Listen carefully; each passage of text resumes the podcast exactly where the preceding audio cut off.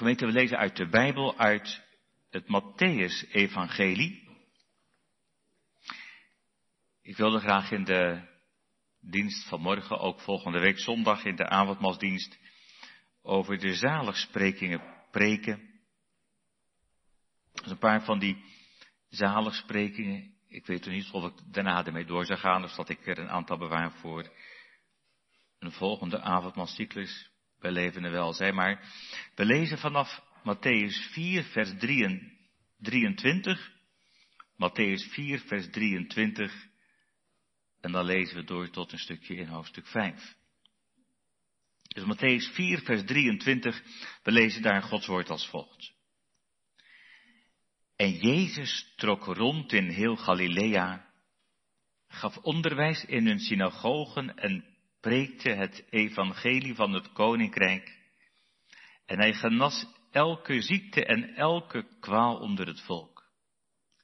En het gerucht over hem verspreidde zich over heel Syrië.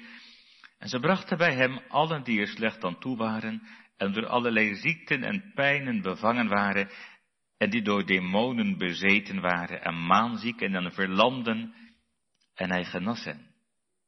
En grote menigten volgden hem uit Galilea en Decapolis, uit Jeruzalem en Judea en van over de Jordaan. Toen Jezus de menigte zag, ging hij de berg op. En nadat hij was gaan zitten, kwamen zijn discipelen bij hem. En hij opende zijn mond en onderwees hen. Hij zei, zalig zijn de armen van geest, want van hen is het koninkrijk der hemelen. Zalig zijn zij die treuren, want zij zullen vertroost worden. Zalig zijn de zachtmoedigen, want ze zullen de aarde beërven. Zalig zijn zij die hongeren en dorsten naar de gerechtigheid, want ze zullen verzadigd worden. Zalig zijn de barmhartigen, want aan hen zal barmhartigheid bewezen worden. Zalig zijn de reinen van hart, want zij zullen God zien. Zalig zijn de vredestichters, want zij zullen Gods kinderen genoemd worden. Zalig zijn zij die vervolgd worden om de gerechtigheid, want van hen is het koninkrijk der hemelen.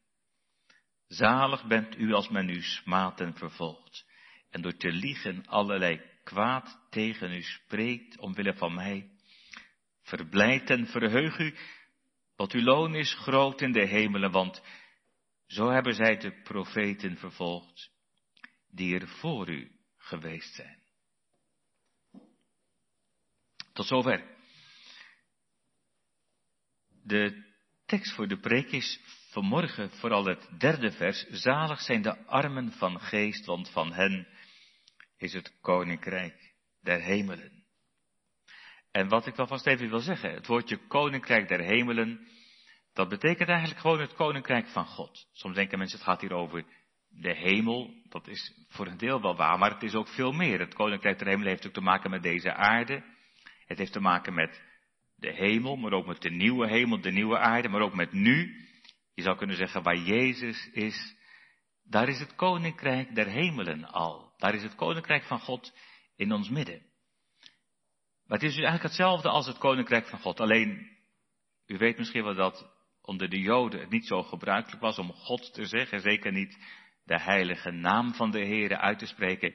En dan zeiden ze, in plaats van het koninkrijk van God, zeiden ze vaak het koninkrijk der hemelen. Maar ze bedoelden precies hetzelfde.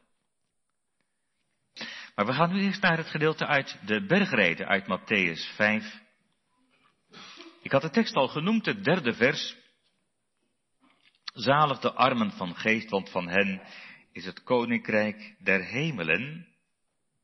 En het thema voor de preek is bedelaars bij de bron. Bedelaars bij de bron. Nou, jongens en meisjes, dat kun je makkelijk opschrijven in je boekje. Bedelaars bij de bron. En eigenlijk is dat precies waar het over gaat in deze zaligspreking. Bedelaars bij de bron. Er is ook een boek dat heet Bedelen bij de bron. Misschien kennen sommigen dat. Het is ook een heel geleerd boek, een proefschrift. Maar daar moest ik aan denken toen ik deze zaligspreking las, erover nadacht, dat voorbereidde. Maar dan wat aangepast, het gaat hier over de armen van geest, en zelfs dan dat naamwoord, nou dan de bedelaars bij de bron.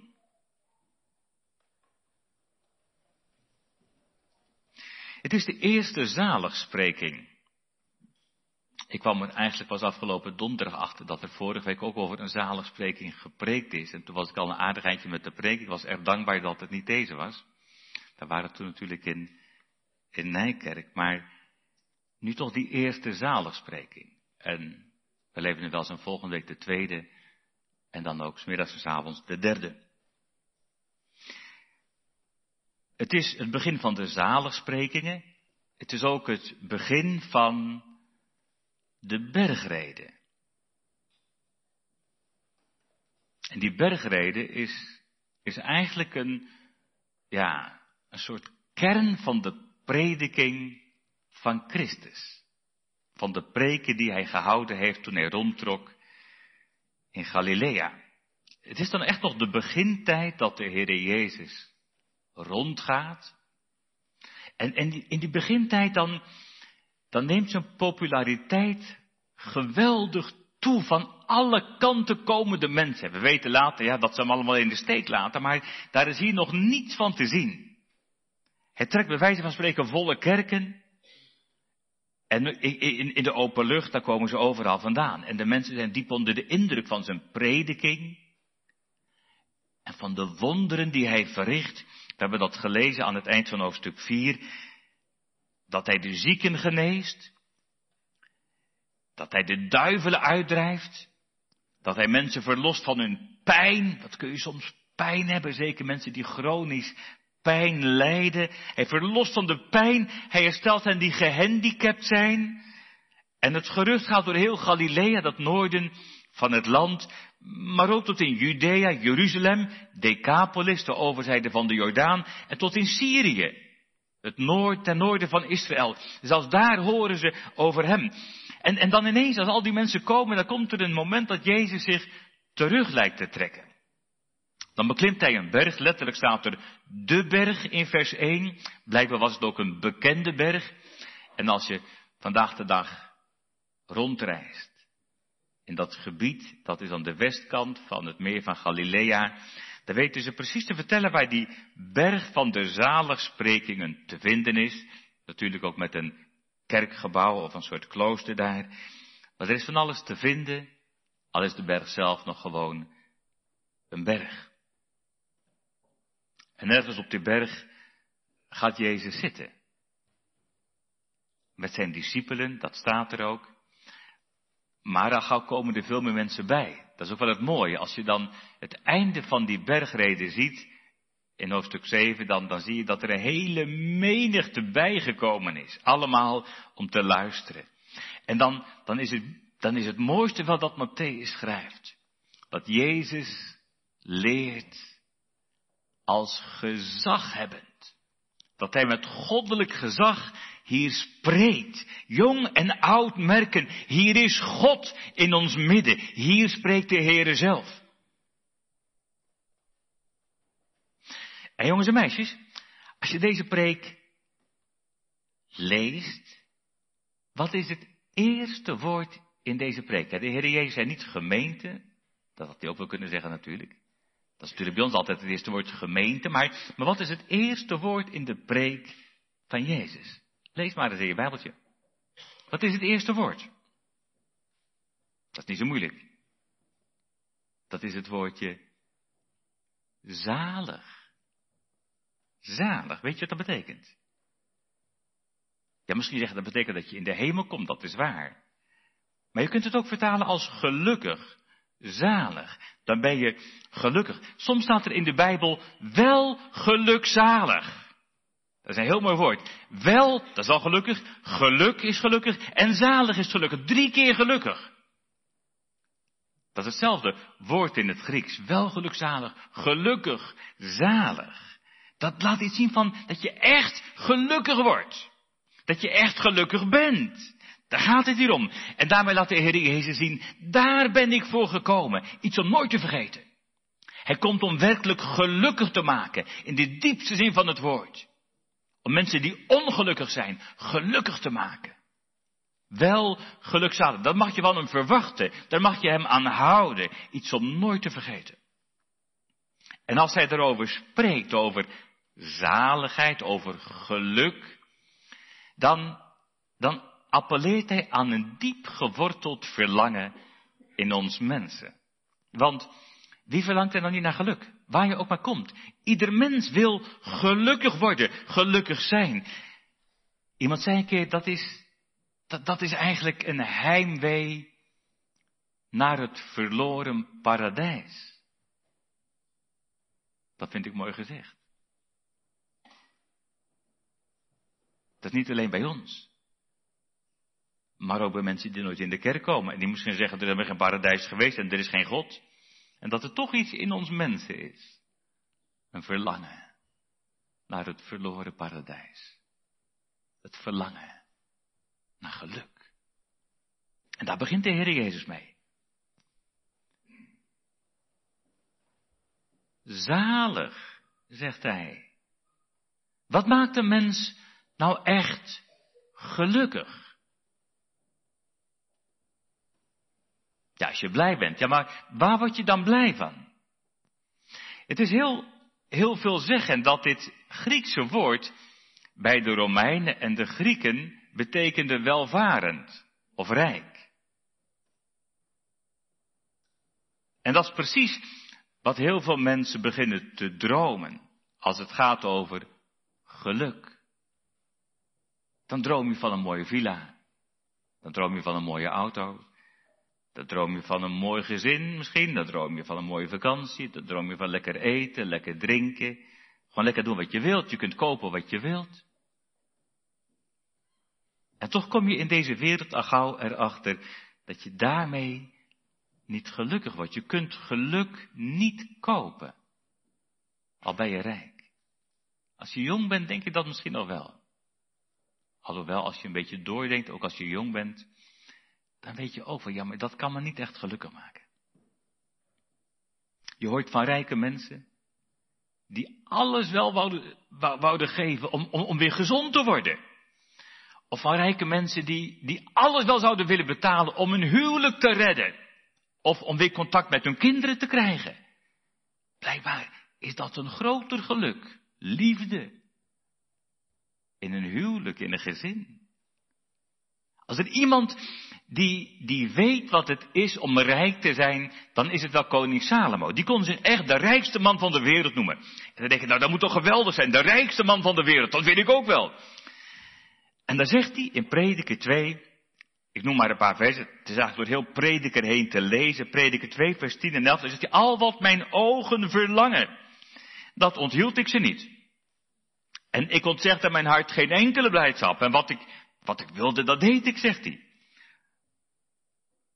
Maar dan zegt hij, toen richtte ik al mijn aandacht op al mijn werken. En het was alles vluchtig en najagen van wind. Dat zegt de rijkste man van de wereld. Het was eigenlijk allemaal niks. Je hield er niks van over. En Salomo ontdekt, alles wat ik heb, en dat was nogal wat, dat kan me niet gelukkig maken. En dan zegt hij aan het eind, denk aan je schepper. Zoek God. Dat je met Hem in het reine komt, verzoend met God. En dat is precies wat de Heer Jezus zegt. Later in Matthäus 16, daar zegt hij, wat baat het de mens als die heel de wereld wint? Al heb je alles wat je wilt en aan je ziel schade leidt. Wat zal een mens geven als losprijs voor zijn ziel om echt gered te worden, gelukkig te worden? Denk aan Augustinus, die overbekende uitspraak, onrustig is ons hart in ons, totdat het rust vindt in u, o God. En daarom is dat de grondtoon van de prediking van Christus, ook in de bergreden, ook in de zalensprekingen. Jezus zegt het ook verderop in die bergreden, zoek eerst het koninkrijk van God. Want anders raak je alles kwijt. Maar zegt hij, met dat koninkrijk van God en zijn gerechtigheid, dan zullen al die dingen erbij gegeven worden. Wie de hemel zoekt, krijgt de aarde erbij. Maar wie denkt dat hij aan de aarde genoeg krijgt, die raakt het allebei kwijt. Dat is ook die eerste zaligspreking. Daar gaat het over dat koninkrijk van God, het koninkrijk der hemelen. Zalig de armen van geest, want van hen is het koninkrijk van God. Gelukkig. gelukkig zijn.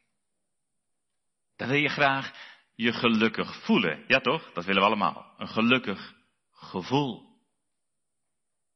En toch is dat niet precies waar het hier om gaat. Het heeft er wel mee te maken, maar je kunt dat niet afdoen als een gevoel alleen. Dat je je happy voelt, zeg maar. De Heer Jezus belooft ons nergens dat we op aarde ons altijd gelukkig zullen voelen. Ook zijn liefste kinderen, om zo te zeggen. Die wordt echt niet beloofd dat je altijd je happy voelt. Dat merk je al meteen in het vervolg. Dan staat er zelfs zalig zijn degenen die treuren. Dat komt nog, maar dan voel je wel aan. Treuren, dat is een akelig gevoel. Dat is, je zeggen, dat, dat is een rotgevoel. Dat weet je helemaal niet. En, en, en toch hoort dat er blijkbaar ook bij. Het is dus meer dan een gelukkig gevoel. Een christen is niet gelukkig omdat hij zich gelukkig voelt, maar omdat hij gelukkig is. We zeggen wel eens, het gaat over je staat. Waarom is een christen gelukkig? Omdat zijn geluk zeker is. Dat gevoel kan de ene keer zus en de andere keer zo zijn. Je voelt je gelukkig, maar dan weer niet.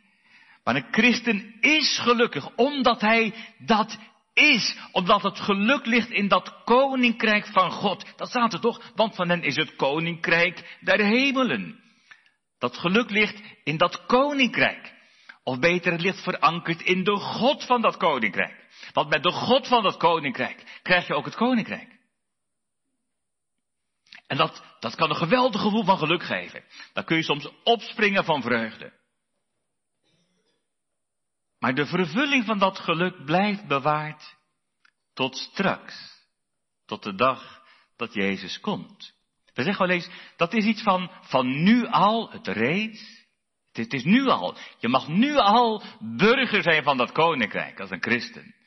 Dat, dat geluk ligt nu al vast in hem, in die God van dat koninkrijk. En tegelijk is het iets van nog niet. Het wacht op de dag dat dat koninkrijk komt in volle heerlijkheid, als Christus komt.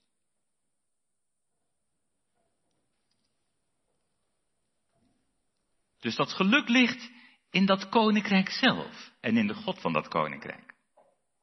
En als je goed telt, dan vind je hier negen zaligsprekingen. Negen keer het woordje zalig. En die negen zaligsprekingen horen bij elkaar en ze vullen elkaar ook aan. Je zou er dus in één keer over kunnen preken, over al die zaligsprekingen. Toch is het de vraag wat je dan ervan onthoudt. Dus daarom toch maar één per keer. En nu dan een drietal. Vandaag en volgende week. Nu is er een gevaar bij die zalenspreking. Je zou kunnen denken dat het hier gaat over voorwaarden. Voorwaarden voordat je mag ingaan in het koninkrijk van God. Stel je voor dat dat zo was. Dat het voorwaarden zijn voordat je mag vluchten tot Jezus. Dan zou je eerst moeten bewijzen dat je wel goed genoeg bent. Of met de woorden van de zalenspreking, dan moet je eerst bewijzen dat je wel echt arm van geest bent. En wanneer ben je dat? Dan kun je hopeloos en eindeloos in vastlopen. Want het is, als het al echt voor Gods aangezicht is, nooit genoeg. Maar dat is niet bedoeld. Dat zou zijn alsof je, alsof je pas naar de dokter mag als je weer beter bent. Alsof je eerst moet bewijzen dat je geestelijk genoeg bent voordat je naar de zaligmaker van zondaren gaat. Met je Henry slaat hij de spijker op de kop. Dan, dan zegt hij, die zalensprekingen zijn bedoeld om je te brengen bij Christus. Dat is een heel belangrijke. Die zalensprekingen zijn bedoeld om ons te brengen bij Christus. Want de enige die al wat in die zaligsprekingen staat werkelijk volbracht heeft, dat is Hij. En vroeg of laat kom je er altijd achter met alles wat er staat. Daar kan ik niet aan voldoen. Dan zit ik aan alle kanten tekort. De enige die alles heeft volbracht, ook hier, is Christus. En daarom gaat het ook in die zaligsprekingen ten diepste om Christus. En zijn die zaligsprekingen bedoeld om ons te leren om al ons heil te zoeken en te vinden buiten onszelf in Christus alleen. Dat is ook de grondtoon van het avondmaalsformulier. Erkennen dat ik midden in de dood lig. En dan gaat het niet over iemand die de Heer Jezus nog niet kent. Dan gaat het over het geloofsleven. En daarom een zaligheid buiten mezelf in Christus zoeken. Daarom is het thema voor de preek ook bedelaars bij de bron. Ja, zegt iemand, maar het gaat toch niet alleen over Christus, het gaat toch ook over, over het christenleven. Het gaat toch ook over zijn leerlingen, over de discipelen die bij hem horen, jazeker. Het gaat ook over de burgers van het koninkrijk der hemelen. Wij zeggen wel eens waar je mee omgaat, dan word je mee besmet. Nou jongelui, dat kan wel eens tegen jou gezegd worden, als je met verkeerde vrienden omgaat, want dan moet je niet doen, dan word je mee besmet, die trekken je mee voor je het weet. Ook in de verkeerde dingen, maar het is ook in het positieve. Waar je mee omgaat, dan word je mee besmet. In het positieve, wie met Christus omgaat, wordt door hem beïnvloed. Dan noem ik het niet besmet, want dan gaat het over iets heel moois. Dat is het werk van de Heilige Geest, die verandert je van binnenuit. Want uit onszelf geven we niet om Christus. Uit onszelf zoeken we dat koninkrijk van God helemaal niet. Hebben we helemaal geen behoefte aan een zaligmaker voor mijn zonde. Dan, dan zie je helemaal niet dat het om Jezus te doen is. En waar het Jezus om te doen is. Maar Jezus zegt, je moet opnieuw geboren worden. Om in te kunnen gaan in dat koninkrijk, opnieuw geboren worden. Dat we zeggen dat dat, dat, je werkelijk Jezus nodig krijgt. Dat het je gaat om Christus. En dat je Hem leert zoeken en vinden. Dat het je gaat om Hem. Een nieuwe geboorte, een nieuw begin met Christus. Waarin je Hem nodig hebt en Hem lief krijgt. En dat is waar het hier om gaat. Zalig zijn de armen van geest, want van hen is het koninkrijk der hemelen. En wij kennen die zaligspreking waarschijnlijk wel. Maar het is wel een vreemde, toch? Dat klopt iets niet. Als je er goed over nadenkt, dan klopt het gewoon niet. Ja, maar het staat het toch. Ja, maar. Het wordt nog duidelijker als ik het iets anders vertaal. Je kunt het heel letterlijk vertalen. Zalig zijn de bedelaars van geest. Dat woordje arme betekent eigenlijk bedelaar. En wij zijn er misschien wel aan gewend. Ik denk dat niemand vreemd opkijkt van het thema voor de preek. Bedelaars bij de bron. Daar zijn we een beetje aan gewend. We kennen dat wel. Maar wie wil er nu een bedelaar zijn? Je ziet ze toch wel eens bij de supermarkt. Of in het winkelcentrum. Ook in Nederland tegenwoordig. Maar nog veel meer als je in het buitenland komt. Echte bedelaars. Dat zie je meteen. Dat zie je aan hun kleren, aan hun houding. Ze bedelen geld. En misschien heb je medelijden. En misschien heb je afkeer dat je denkt, nou een beetje uit de buurt blijven. Maar in ieder geval ben je blij dat je geen bedelaar bent. Wie wilde nu een bedelaar zijn? En dan zegt de Heer Jezus, zalig zijn de bedelaars. En, en, laat dat Jezus binnenkomen, dat woordje bedelaars. Hier zet de Heer Jezus de wereld op zijn kop. Het is de omgekeerde wereld. Voor ons is een bedelaar het toppunt van ongeluk.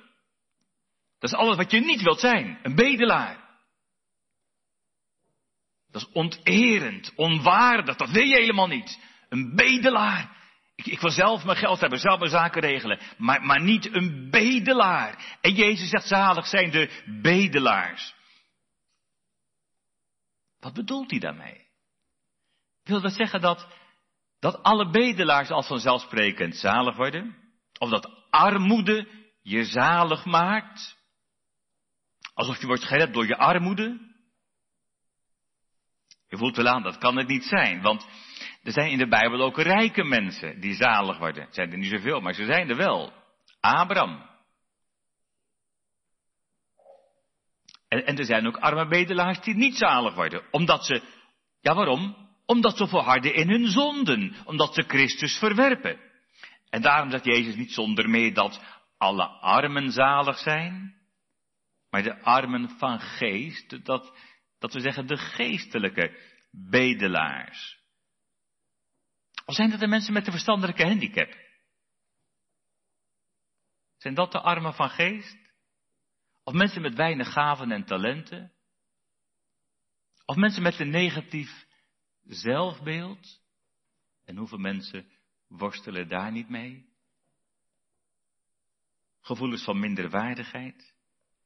Nu kun je wel zeggen dat de Heer bijzondere aandacht heeft voor de armen.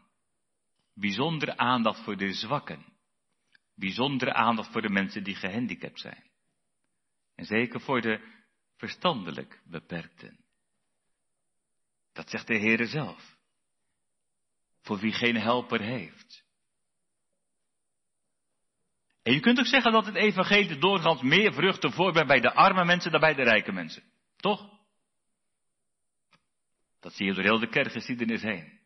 Er zijn wel armen, er zijn, wel rijken, maar het zijn er niet zoveel. Ook, ook in de Korinthe, gemeente van Korinthe, de Korinthebrief, dan, dan schrijft de apostel, er zijn onder u niet veel wijzen naar het vlees, niet zoveel geleerde mensen. Niet veel machtigen, niet veel aanzienlijken. Maar het dwaze van de wereld heeft God uitverkoren. En het zwakke van de wereld om het sterke te beschamen. En het onaanzienlijke en het verachten van de wereld heeft God uitverkoren. En wat niets is, om wat iets is of denkt iets te zijn, te niet te doen. En toch, en toch. Wat bedoelt de Heer Jezus als hij de armen van geest zalig spreekt? Wat is een bedelaar? Nou, dat weten we allemaal. Wat is een bedelaar? Een bedelaar houdt zijn hand op. Een bedelaar, die heeft iets nodig. Iets wat hij niet heeft. Hij heeft het wel nodig, hij heeft het niet. Een bedelaar kan bedelen om brood. Waarom? Omdat hij het zelf niet heeft.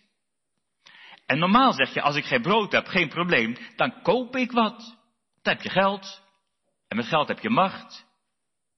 En dan zeg je, ik heb recht op dat brood, ik heb dat brood betaald. Maar een bedelaar, die heeft geen geld om dat brood te betalen. Die kan dus niet zeggen, ik heb daar recht op. En als je geen geld hebt en je hebt geen brood, wat moet je dan doen? Dan kun je maar één ding doen. Dat, dat, dat je ook eerlijk erkent, ik heb er geen recht op. En, en dat je een beroep doet op barmhartigheid. Op genade. En, en dan moet je altijd zeggen, ik heb het niet verdiend. Ik heb er geen recht op. Ik ben het onwaardig. En dat is precies wat Christus hier bedoelt. Zalig zijn de armen van geest. Gods offers zijn een gans verbroken geest. Waarom? Omdat je dan pas erkent, ik heb het niet en ik weet het niet. En ik durf het niet. Ik heb geen recht. Ik ben onwaardig. En dat is precies wat wij van onszelf niet willen zeggen. En niet willen weten. Ook rondom het heilige avondmaal. Daar zijn we geneigd om op te tellen. Om te laten zien wat we allemaal hebben. En wat we mee willen dragen. Dat is net als Paulus in zijn oude leven. U kent wel die geschiedenis, wat dat gebeurde in de Filippenzenbrief. Hij zegt, ik ben besneden. Wij zouden zeggen, ik ben gedoopt.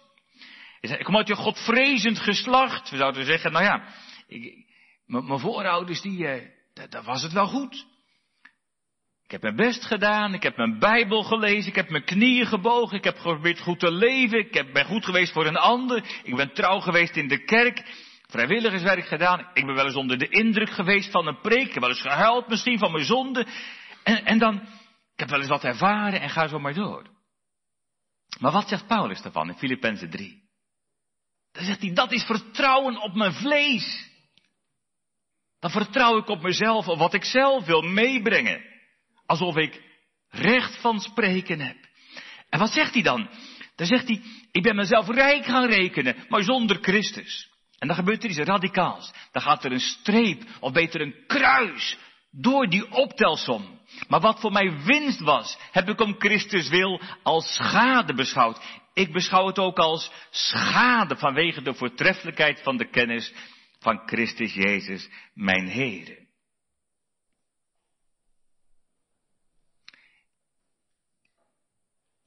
Alles wat hij als het ware mee wil sjouwen. Hoe mooi het ook lijkt en hoe mooi de mensen het misschien ook vinden. Er blijft niets van over. Ja, kan dan die, kan dan die geestelijke armoede je redden? Kan bijvoorbeeld je zondekennis je redden? Nee, natuurlijk niet. Waarom spreekt de Heer Jezus de armen van geest zalig? Ja, dat is niet alleen omdat ze weten, ik kan mezelf niet redden. Niet alleen omdat je weet, ik heb niks om mee te nemen. Dat je erkent, ik ben uit mezelf helemaal niet geschikt voor het koninkrijk van God. Ik heb geen enkel recht, ik ben het niet waard. Daar blijft het niet bij. Want wat is de kern van de zaak? Wat Jezus bedoelt, is dat die armen van geest Jezus nodig hebben. En daarom is het thema voor de preek niet alleen maar bedelaars. Want er zijn we bedelaars. Daarmee komen we er niet. Maar bedelaars bij de bron, daar gaat het om. Dat is wat Jezus bedoelt. Bedelaars bij de bron. Zolang je denkt dat je zelf nog wel wat hebt, dan heb je de bron niet nodig. Dat is het punt waar het om gaat. Maar als je ontdekt dat je niets meer hebt, krijg je de bron nodig. Als je weet, ik ben het niet waard, dan krijg je genade nodig. Dan wordt het wonder, werkelijkheid. Die, die rijkdom en het geluk en die zaligheid van deze bedelaars, die armen van geest, ligt niet in hun bedelen, maar in de bron waar ze bedelen. Mijn bedelen kan me niet redden, maar de bron is mijn heil. Dat is geen armzalig geloof. Ik, ik sprak er pas met iemand over en die, die noemde ook een voorbeeld van iemand uit de familie. En die kennen heel veel van ons ook wel, zo iemand uit de familie, misschien weet het zelf ook wel. Hè, die, dan kun je jarenlang tobben, soms zelfs tot, tot, tot bijna sterven toe. En dat je het eigenlijk nooit weet, is het wel voor mij. Maar dat is niet wat hier wordt bedoeld. Hier wordt niet bedoeld dat je levenslang in onzekerheid zou blijven. Is het wel voor mij? Dat is echt niet wat de Heer bedoelt. Ik zal niet zeggen dat het daar maar niks kan zijn, want soms merk je dan aan het leven echt wel. Dat leven uit de bron. Maar, maar waar het wel om gaat, is dat je levenslang afhankelijk bent. Als een bedelaar bij de bron. Noem het dan maar kinderlijk vertrouwen. Dat is waar het hier om gaat. Het is niet de angst van een slaaf, die altijd bang is dat hij wordt weggeslagen. Maar het is het kinderlijke vertrouwen. Bedelaars bij de bron. Een bedelaar bij de bron, en dat is Christus. En in Christus, die hier die zaligspreking spreekt, ligt het geheim van het geloof. Ik kan een paar voorbeelden noemen. Ik stip het maar even aan, want de tijd gaat ook verder. Maar als je iets verder bladert, het is een van de eerste voorbeelden na de bergreden, en die bergreden gaat tot en met hoofdstuk 7, is in hoofdstuk 8, dat is die hoofdman in Capernaum, hoofdstuk 8 vanaf vers 5, dat is die Romeinse officier, die militair, dat was een machtig man, dat was een man in een mooi, machtig leger, een hoofdman, een officier, een geëerd militair, maar die groot, sterke man voelt zich heel klein voor Jezus. En die roept zijn hulp in voor zijn knecht, misschien een verwonde soldaat. En dan, dan, dan, dan zegt hij, Heere, ik ben het niet waard dat u onder mijn dak zou komen. Ik ben het niet waard. Daar herken je die geestelijke bedelaar, die niet wordt beschaamd. Als je iets verder bladert in hoofdstuk 9, dan gaat het over die bloedvloeiende vrouw bij de dochtertje van Jairus. Dan gaat het over die vrouw, die weet dat ze onrein is en ze durft niet openlijk te komen. En ze durft hem niet aan te spreken en ze komt stilletjes van achter, ze heeft niets en ze weet niets en ze durft het niet en ze raakt toch de zoom van zijn bovenkleed aan, een geestelijke bedelaar. Maar ze zoekt het bij de bron. En ze krijgt te horen in 9 vers 22, heb goede moed, dochter uw geloof heeft u behouden. En dan is er nog wel een voorbeeld in die Canaanese vrouw. In Matthäus 15 moet u zelf maar nalezen. Maar ook daar heb je dat, dat, dat, dat ze zich onwaardig voelt. Maar zich niet laat wegsturen. Zalig zijn de armen van geest, want van hen is het koninkrijk der hemelen. Dat is dus ook een waarschuwing voor als je geen armen van geest wilt worden voor God. We zeggen wel eens als je geen zondaar voor God wilt worden. Als je jezelf op de been wilt houden voor God. Als je je te goed voelt om, om schuld te beleiden. Zolang je geen zondaar voor God, geen bedelaar voor God wilt worden, sluit je jezelf buiten de bron. Jij zou zo kunnen zeggen. Als je handen vol zitten met van alles en nog, want dan kan er niks meer bij. Dan zie je buik ook, als je vol zit, dan hoef je niks meer. Dan sluit je jezelf af van de bron. Dan zegt de Heer Jezus ook, wat heb je dan te zoeken aan mijn tafel? Je redt het toch ook zonder mij? Dan heb je er niks te zoeken. Als het je niet gaat om Jezus, om zijn volbrachte werk. Maar tegelijk ligt hier een machtige troost in. Want je hebt niks om mee te nemen. Maar je hoeft ook niets mee te nemen. Spurgeon zegt dan en zegt, leer deze les. Niet op Christus vertrouwen, omdat je berouw hebt, arm van geest, maar opdat je berouw hebt. Niet tot Christus komen omdat je een gebroken hart hebt, maar opdat je een gebroken hart krijgt. Dat is ook iets wat je voortdurend verdiept. Daar is ook het heilige avondmaal voor bedoeld. Ook om verdiept te worden in de verootmoediging in de afhankelijkheid. Als een bedelaar bij de bron. Daar gaat het ook om bij het heilige avondmaal. Wanneer ben je nou waardig? Niet als je denkt, ik ben waardig of geestelijk genoeg. Maar als een onwaardige. Iemand zei een keer, je, je waardigheid is je onwaardigheid. Dat is ook in de omgekeerde wereld. Maar het is wel wat Jezus bedoelt. Dat, dat is je zaligheid buiten jezelf in Christus zoeken. Bedelen bij de bron, als bedelaars bij de bron. Dat is niet in onzekerheid, want je vindt je vastheid in de bron. Wel in afhankelijkheid van verzoening, van genade. In verwondering. Bedelen bij de bron, als een bedelaar. En toch niet echt als een bedelaar. Dat is het laatste. Hoezo dan? Nou, een bedelaar weet uiteindelijk nooit waar die aan toe is. Toch? Maar wie bedelt bij de bron weet wel waar die aan toe is. Of je het nou ervaart of niet. Maar dat ligt vast in hem. Wie bedelt bij de bron weet waar die aan toe is. Daar staat Christus zelf garant voor. Dat is niet iets van ons, dat is alleen van Hem. Dat is het wonder van genade. Ik heb niets verdiend.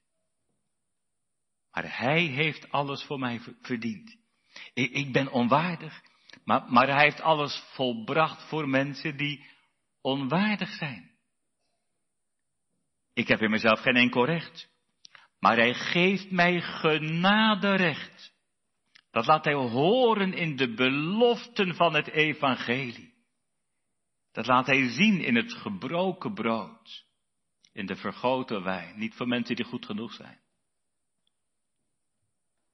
Maar voor zondaren die Jezus nodig hebben. Zo maakt hij zich bekend als een rijke Christus voor arme zondaren. En daarom, Jezus, niet mijn eigen kracht, niet het werk door mij volbracht, niet het offer dat ik breng, niet de tranen die ik pleng, schoon ik ganse nachten ween kunnen redden. Gij alleen. Amen.